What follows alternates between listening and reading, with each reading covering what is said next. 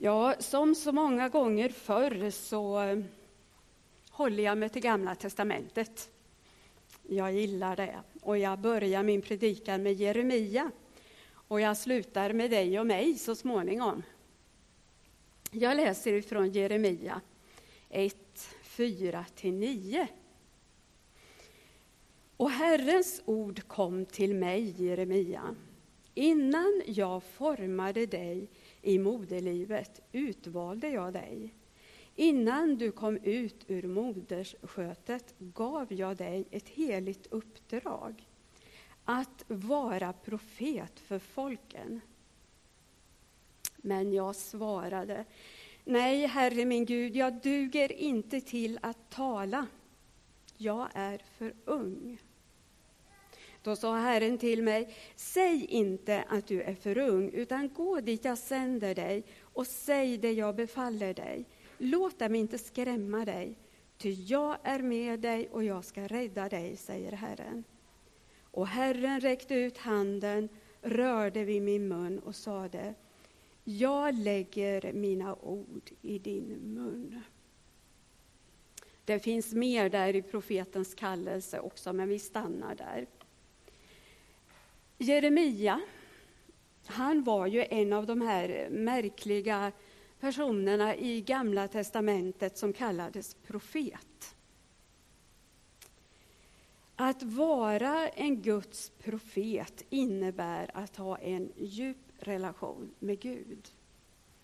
Att våga stå för Guds ord och våga framföra det som Gud lägger på ens hjärta och det Gud vill säga till människor i den tid profeten är verksam. Det här gällde Jeremia, det gäller oss idag. Men Jeremia han var verksam i cirka 40 år. Det här är ju inte så lätt att veta med säkerhet. Janne slog på Wikipedia och där stod det att det var 50 år. Eh, men det den uppgift som jag har hittat i Bibeln, och den tror jag på, så eh, var det 40 år och då var mellan 629 till 587 före Kristus. Det var en politisk turbulent tid. En del av det judiska folket var bortförda till Babylon. Och de som fanns kvar av judiska folket i landet, de skulle också till Babylon. Det var fem olika kungar som regerade under de här åren. Att lita på vad Gud sa genom sina profeter, det verkade vara alldeles för naivt för folket. Och för kungarna med. Man lyssnade inte. Det fanns flera profeter Både de som trodde på Gud och de som hade avfallit ifrån Gud. Att Gud kunde rädda sitt eget folk som han hade gjort så många gånger förut. Det var liksom att det hade man totalt glömt bort. Man hade glömt bort sitt folks historia. Istället så började man att be till okända gudar. Man offrade till dem och man till och med offrade de små barnen.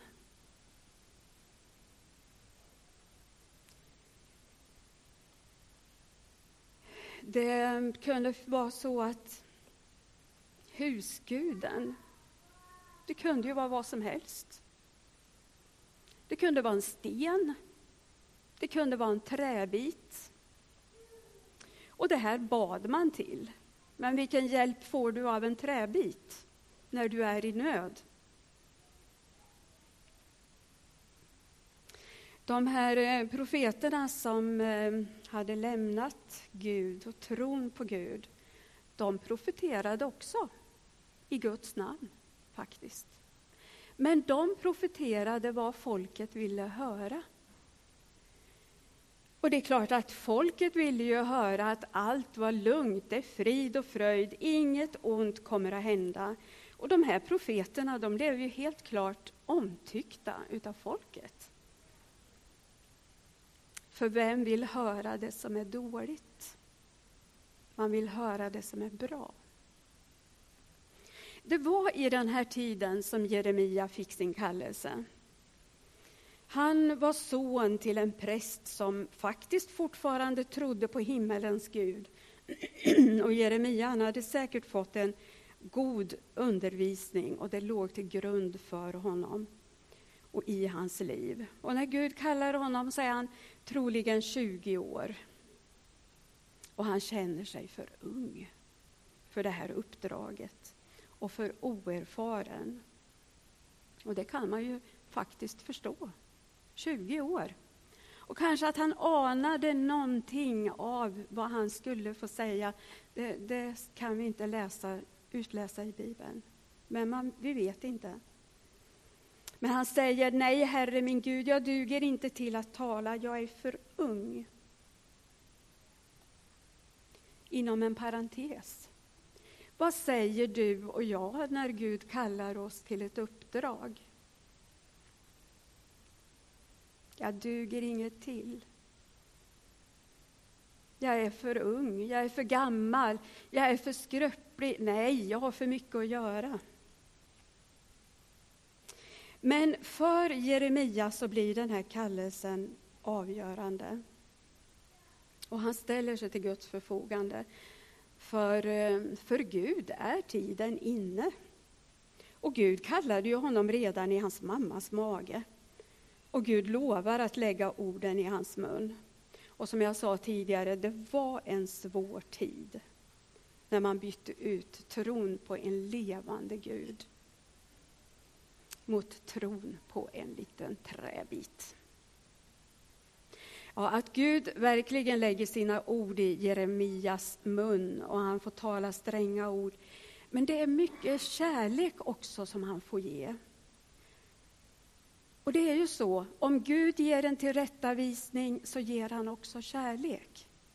Gud dömer inte, utan han ger också en utväg. Och vad Gud ville, det var ju att människorna skulle vända om till sina fäders Gud. Att börja och lyda Mose lag igen, igen, som deras förfäder hade gjort. Gud vill att de ska upphöra med tron på träbitarna och framförallt offra, offrandet av små barnen.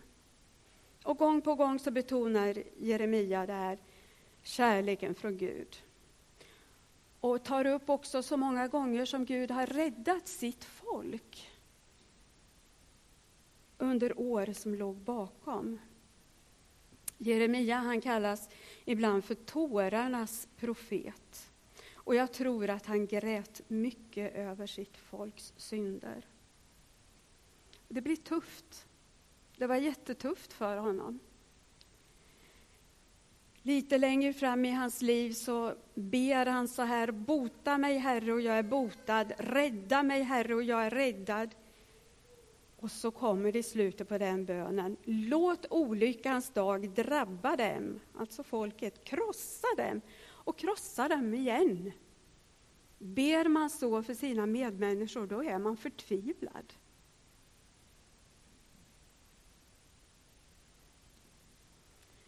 När han ber den här bönen till Gud, då svarar Gud med att säga att gå ner till krukmakarens hus. Han får inte ett svar direkt, utan gå ner till krukmakarens hus. Och då läser jag ifrån det artonde kapitlet. Då gick han ner till krukmakarens hus och fann honom i arbete vid drejskivan. Ibland misslyckades lerkärlet som krukmakaren formade med sina händer. Och då gjorde han om det till ett nytt kärl som han ville ha det. Herrens ord kom till mig. Skulle jag inte kunna göra med er, Israels folk, som jag gör med denne kruk, som denne krukmakare gör, säger Herren. Som leran i krukmakarens händer så är ni i mina händer. Nu ska vi lämna Jeremia för ett tag. Men den där meningen, som leran är i krukmakarens händer, så är ni i mina händer, sa Gud.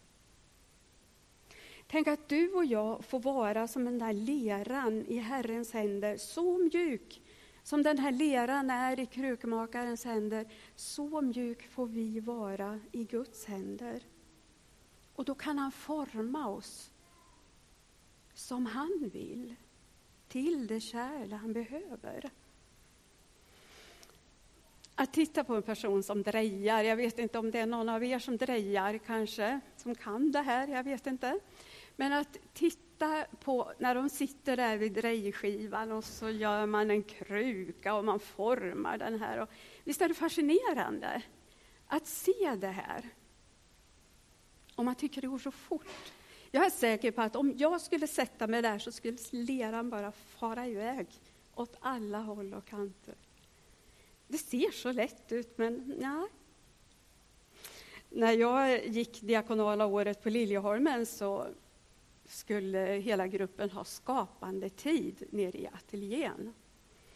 Och det var tur Lars att du slapp ha oss i gruppen. Vi fick läraren Claes Brandén och han skulle ju undervisa oss. Och han skulle ha oss, första gången vi var där skulle vi göra en temugg. Och det gick väl bra att göra en temugg.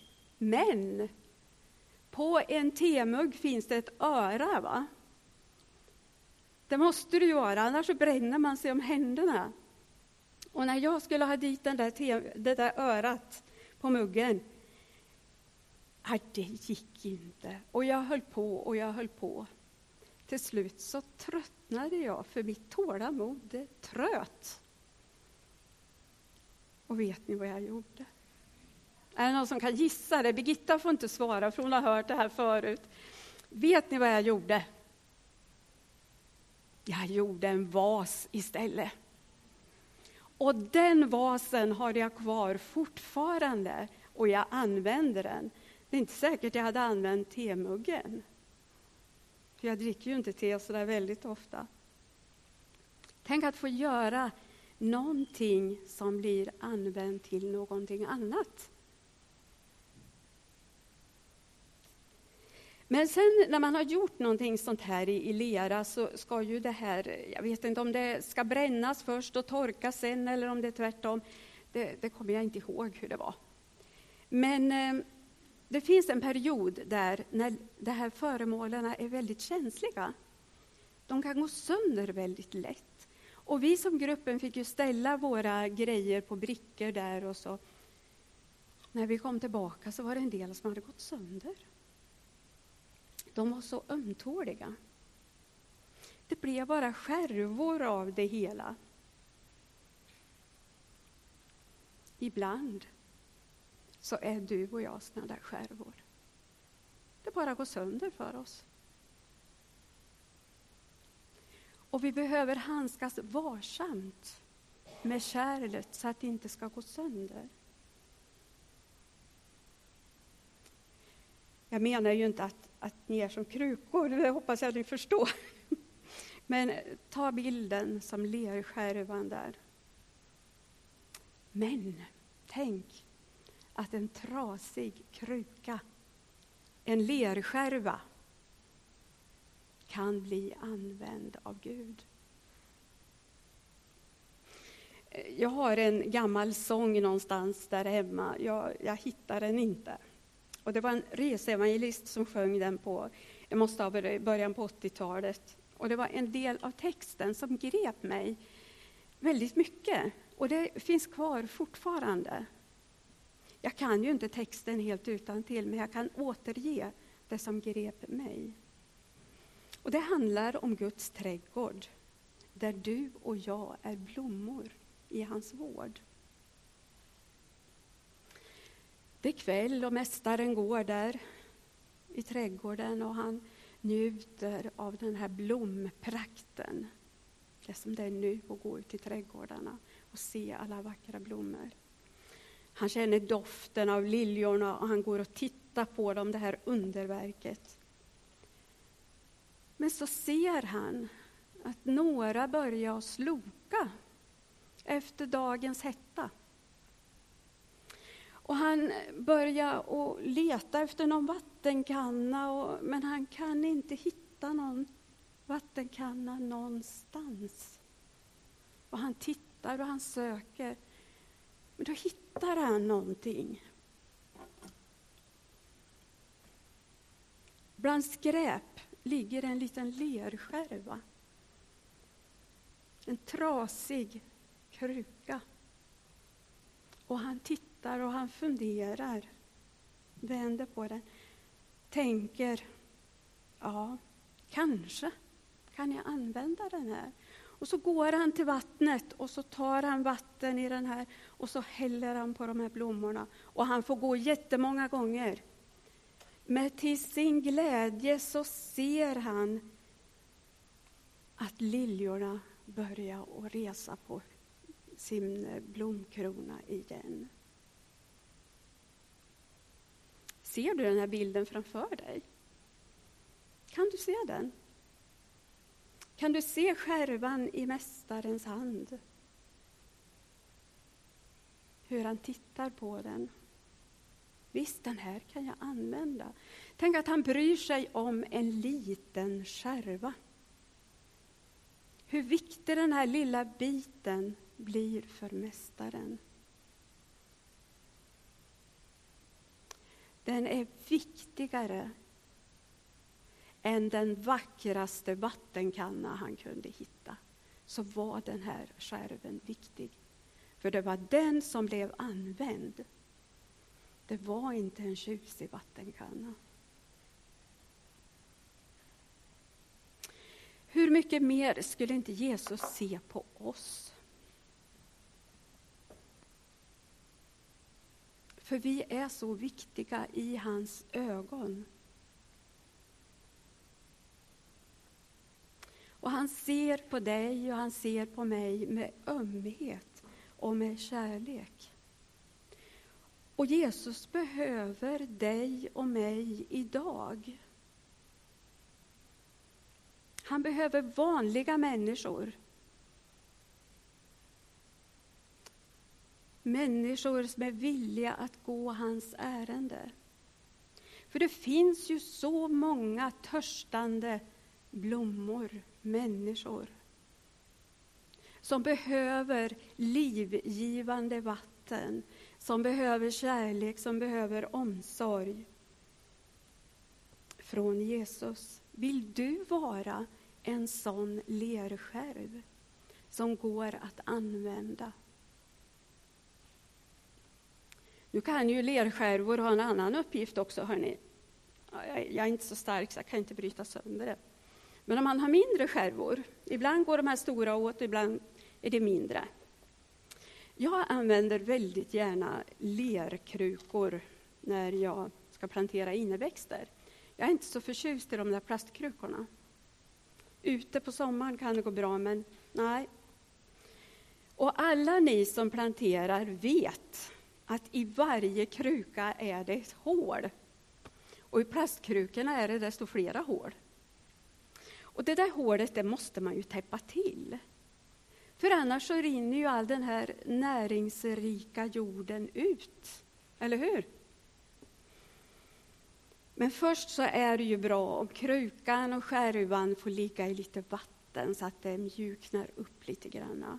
Och så lägger du i skärvan i botten och så fyller du på jord och så sätter du i växten och så vattnar du.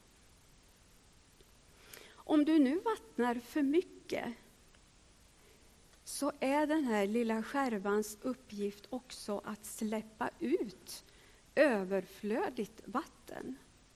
För att om vattnet stannar där, då blir det ju surt. Det blir inte hälsosamt. Och på så sätt så kan den lilla växten dö, för att det blir surt för rötterna.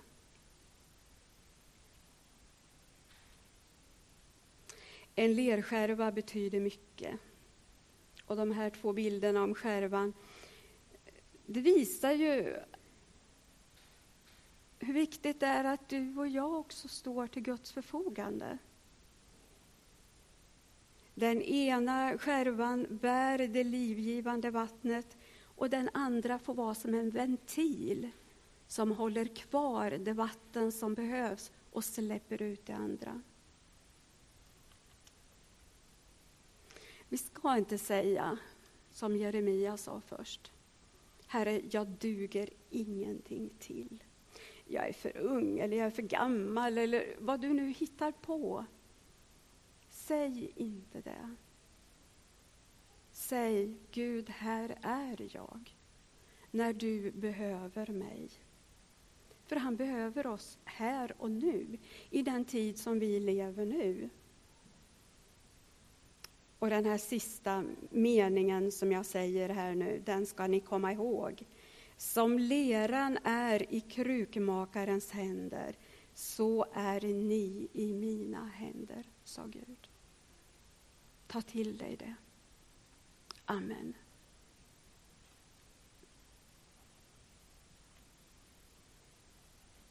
Jesus, tack att du har användning för oss. Var och en, liten och stor, ung och gammal. Tack att du ser precis vad som behövs i varje människas liv. Jesus, tack att du vill göra vårt hjärtas åker, vårt hjärtas lera så mjuk så att du kan forma oss, Jesus, till att bli det kärl som du behöver. Jag ber dig, välsigna var och en. Du ser vad var och en tänker just nu. Välsigna du, Herre. Amen.